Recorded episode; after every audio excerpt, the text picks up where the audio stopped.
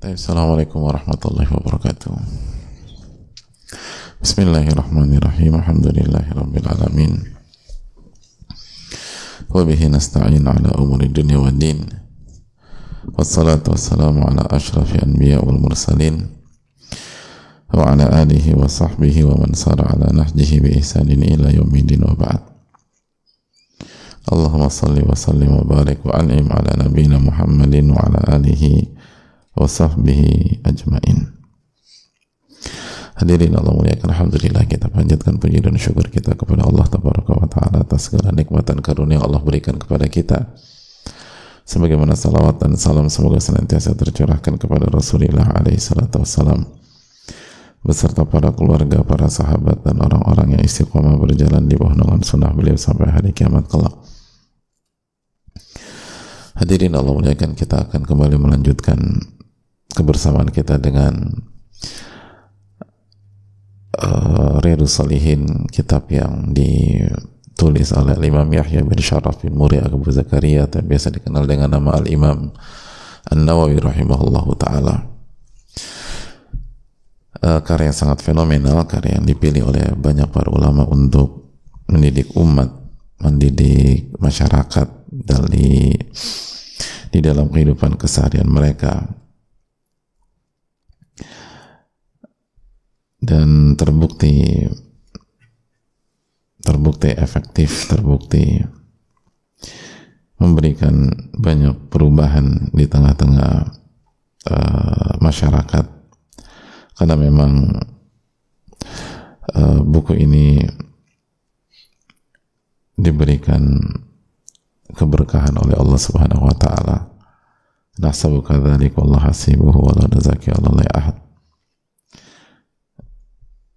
Sebagaimana yang dijelaskan oleh para ulama seperti Asubki bahwa karya-karya Al-Imam An-Nawawi rahimahullah taala itu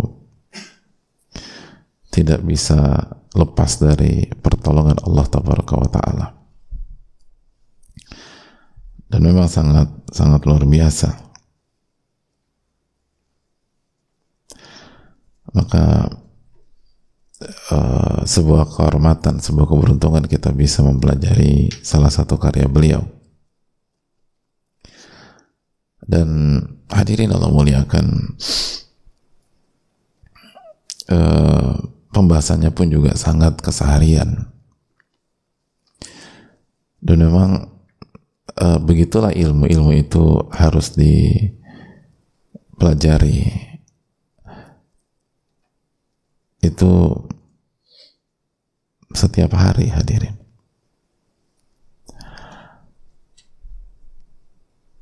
Sebagaimana hidup ini pun juga setiap hari. Hidup ini terus berjalan tidak berhenti. Kata Ibnu Qayyim rahimahullah ta'ala al-abdu sa'irun lawakif hamba itu terus berjalan dan tidak pernah berhenti. Lawakif kita nggak bisa menyetop waktu. Dan waktu nggak pernah berhenti. Hidup itu selalu berjalan. Siap apa tidak? Capek atau semangat sakit atau sehat hidup itu terus berjalan. Kita suka kita nggak suka. Kita nyaman kita nggak nyaman. Kita senang kita kecewa.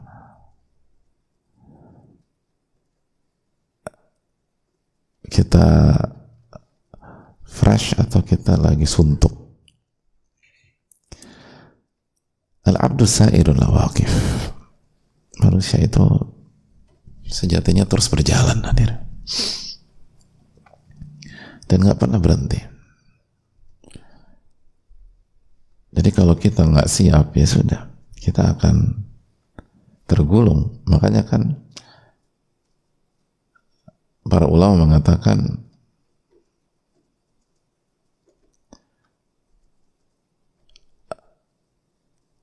al-waktu kasif waktu itu ibarat pedang Ilam tak tahu kata akal. Kalau anda tidak tebas, dia akan tebas anda.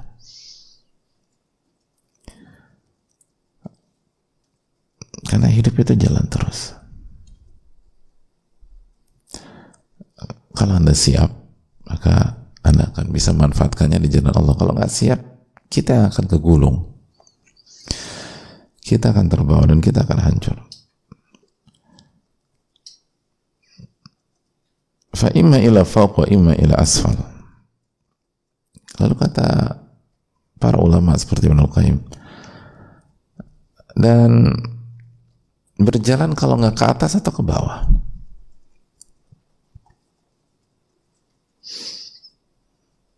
Gitu.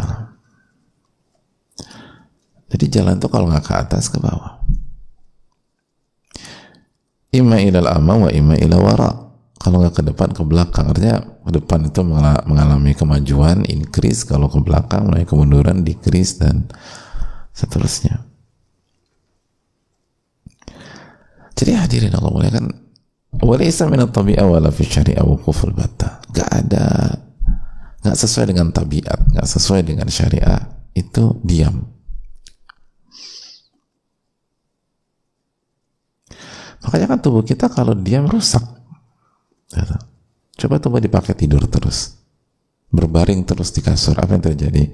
Kulit lecet, kaki mengecil, rusak tubuh kita. Emang tubuh kita tuh diciptakan untuk bergerak gitu. Makanya di antara guru-guru kami dulu tuh mengata, eh, mengatakan al harakatu barokah. Bergerak itu keberkahan. Beraktivitas itu keberkahan. Karena kita diciptakan untuk bergerak memang. Kalau nggak, yang jadi masalah kalau nggak ke atas ke bawah gitu aja. Kalau nggak mengalami kemajuan, kemunduran. Tapi ya harus bergerak. Itulah uh, hakikat dari kehidupan. Kita harus beraktivitas. Nah hadirin Allah muliakan. Nah di sinilah kita perlu ilmu yang terus terus bertambah. Dan kita butuh ilmu setiap hari. Karena kehidupan berjalan setiap hari. Makanya Ibnu Syihab mengatakan rahimahullah taala, "Walakin khudhu ma'al ayami wal layali." Ambillah ilmu itu siang dan malam. Ambillah ilmu itu setiap hari. Wala ta'khudhil ilma jumlatan, tapi jangan diambil sekaligus. Jangan diambil sekaligus. Jangan diambil sekaligus. Fa inna man rama fa inna man rama akhdahu jumlatan dhahaba anhu jumlatan. Karena barang siapa mengambilnya sekaligus akan hilang sekaligus. Ilmu itu besar Makanya sebagian ulama mengatakan al ilmu la yukabiru ahadan, eh, la yukabiruhu ahadun. Ilmu itu nggak bisa ditaklukkan oleh siapa pun. Nggak ada yang bisa lebih besar dari ilmu. Nggak bisa. Ilmu itu sangat luas. Wa ma utitu minal ilmi illa qalila kata Allah. Kalian nggak dikasih ilmu kecuali sedikit. Nah, menghadapi hal yang sangat luas ini, Anda harus ngambil sedikit, sedikit, sedikit, sedikit. Walakin syai' ba'da syai' ma'al layali wal ayam anda nggak bisa ngambil banyak sekaligus. Anda nggak bisa ngambil banyak. Anda nggak bisa ambil banyak. Harus ambil setiap hari setiap hari setiap hari. dan setiap hari itu harus sedikit sedikit sedikit sedikit sedikit. Makanya kata beliau rahimahullah walakin syai ba'da syai ma'al layali wal, wal ayam tapi sedikit demi sedikit setiap hari. Nah di sinilah peran buku-buku yang luar biasa seperti Radus Salihin makanya kan kita berusaha pelajari kan sedikit sedikit sedikit. Kajian paling lama setengah jam. Satu hadit atau sekurang dari satu hadit sedikit sedikit sedikit, sedikit, sedikit. kita hadirin. Agar bisa mengapa me, mengawal kehidupan kita. Karena hidup kita jalan terus nggak bisa berhenti. Hanya sedikit nanti besok sedikit lagi nanti besok diingetin lagi lalu besok lupa ingat lagi lalu ada hal yang baru lalu uh, lupa diulang lagi terus demikian. Tapi itulah kehidupan hadirin Allah muliakan yang dijelaskan oleh para ulama kita. Tapi kita lanjutkan sedikit. Hadis Zaid semoga Allah memberikan taufik kepada kita. Amin ya alamin. Dan hadis ini sekali lagi berbicara tentang keutamaan ahlul bait Rasulullah sallallahu alaihi wasallam. Di antara pelajaran yang bisa kita petik dari hadis ini dijelaskan oleh para ulama bahwa yajib 'ala muslim an ya'taqida anna ahla baiti Nabi sallallahu asyrafun nas ala wajil ardi fakhran wa hasaban wa nasaba. Eh, dari bab ini dan dari hadis ini kita bisa mengambil pelajaran bahwa seorang muslim itu wajib meyakini ingat wajib hukumnya wajib meyakini. Apa yang wajib dia yakini? Bahwa keluarga Rasulullah SAW ahlul bait Nabi SAW keluarga Rasulullah SAW adalah manusia yang paling mulia. Di atas permukaan bumi. Yang paling mulia dari segi ke ke apa kedudukan status sosial dan nasab.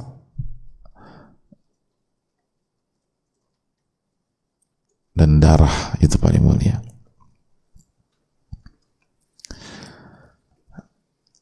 Jadi nggak ada orang yang punya garis keluarga lebih mulia dari ahlul bait Rasulullah SAW atau keluarga Rasulullah SAW nggak ada orang yang lebih tinggi kedudukan sosialnya dibanding keluarga Rasulullah SAW. Itu keyakinan seorang muslim hukumnya wajib kata para ulama.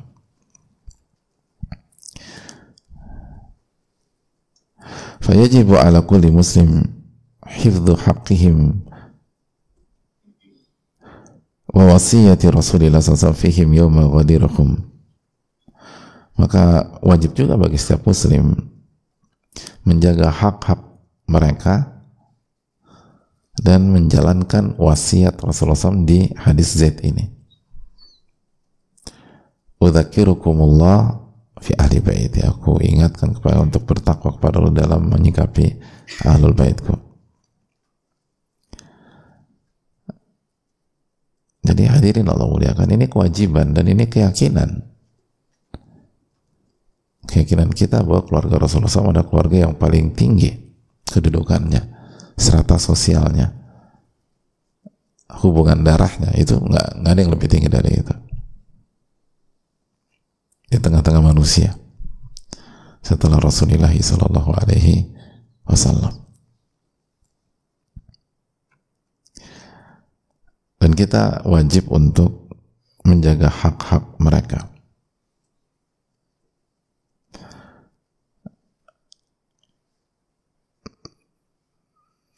Wa ma'rifatu qadrihim wa manzilatihim. Dan wajib mengetahui kedudukan dan uh, posisi mereka. Jadi kita harus tahu kedudukan dan posisi mereka. Mereka punya kedudukan yang tinggi. Wa tawallihim wa hub wa tawallihim wa wa tawqiruhum wa thana'u alaihim wa ikramuhum ihsanu ilaihim dan wajib uh, loyal dan setia dengan mereka. Selama tidak maksiat. Atau di selama berada dalam koridor yang benar. Sebagaimana sekali lagi hadis hadis ketika Nabi SAW kepada bicara tentang Fatimah ya Fatimah bin eh, laukanat Fatimah bintu Muhammadin sarakat laqata'tu yadaha. Kalau Fatimah anaknya Muhammad mencuri aku yang akan menghukumnya.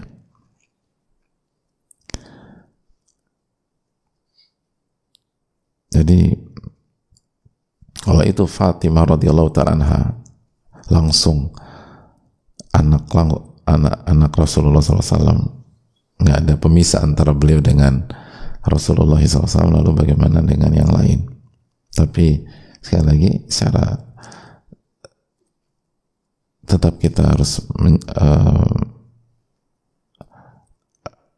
apa setia harus mencintai dan memuliakan tauqiruhum wa thana'u alaihim dan memuji mereka wa ikramuhum dan mem, uh, memuliakan wal ihsanu ilaihim dan berbuat baik kepada mereka. Berbuat baik kepada mereka. Ya sebenarnya simpel hadirin. Wong kita harus setia dengan orang-orang beriman gitu. Ya apalagi mereka itu poinnya. Ini kan sekali lagi uh, sikap yang harus kita berikan kepada saudara-saudara kita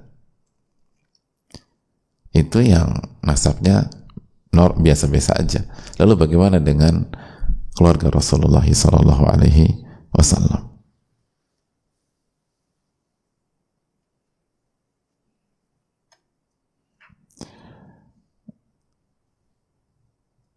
Lalu nah ini yang membedakan. Wassalatu wa taslimu alaihim.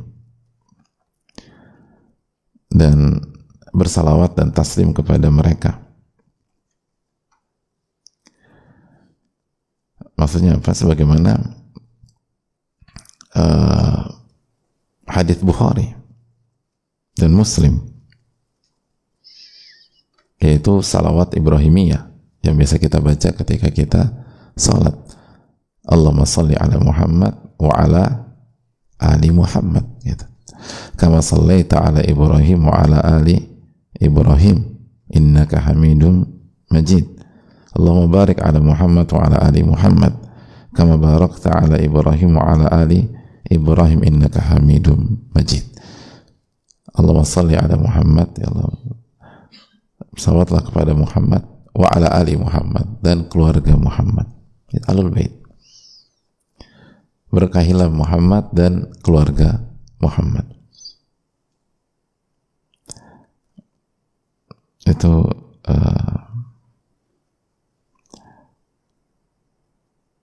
itu poin yang perlu kita camkan bersama-sama.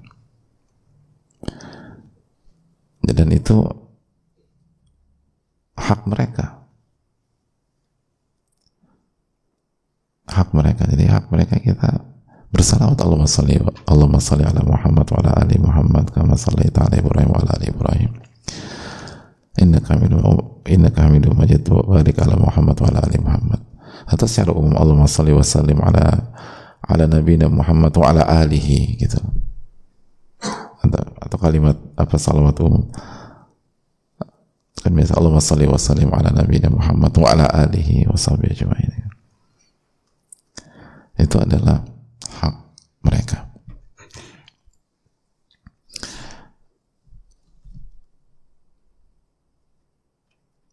Ya, uh, saya rasa cukup sampai di sini. Kita akan lanjutkan bismillah taala keyakinan seorang muslim terhadap keluarga Rasulullah sallallahu alaihi wasallam. Aku lakukan hadza wa astaghfirullakum subhanaka la ilaha illa anta astaghfiruka wa atubu. Assalamualaikum warahmatullahi wabarakatuh. Mari berlomba-lomba dalam kebaikan bersama Muhajir Project Tilawah. Saudaraku, belajar dan mengajarkan Al-Quran serta ilmu-ilmu Islam lainnya merupakan amal soleh yang penuh dengan pahala jariah, insya Allah. Rasulullah Shallallahu Alaihi Wasallam bahkan menyebut umatnya yang belajar dan mengajarkan Al-Quran sebagai manusia terbaik. Dari Utsman bin Affan radhiyallahu anhu, beliau berkata bahwasanya Nabi Shallallahu Alaihi Wasallam bersabda, sebaik-baik orang di antara kamu adalah orang yang belajar Al-Quran dan mengajarkannya. Hadis Riwayat Bukhari Dengan memohon pertolongan Allah Subhanahu wa Ta'ala, Muhajir Project Tilawah membuka kesempatan bagi kita semua untuk berjuang bersama dalam berbagai program pendidikan Islam, baik yang sudah maupun yang insya Allah akan berjalan, seperti program Halakoh Iqra dan Tajwid Spesial, HITS, pembinaan pengajar Al-Quran, program Halakoh Iqra Ramadan Spesial, HIRS, program Halakoh Tahsin Al-Fatihah, program kelas bahasa Al-Quran, program pembinaan Dai Islam, program Muhajir Project Tilawah lainnya, serta biaya untuk menjalankan berbagai program Muhajir Project Tilawah. Program kebaikan Muhajir Project lainnya. Sampaikan dukungan terbaik kita melalui CIMB Niaga Syariah 8600 1382 7500 atas nama Muhajir Peduli Indonesia.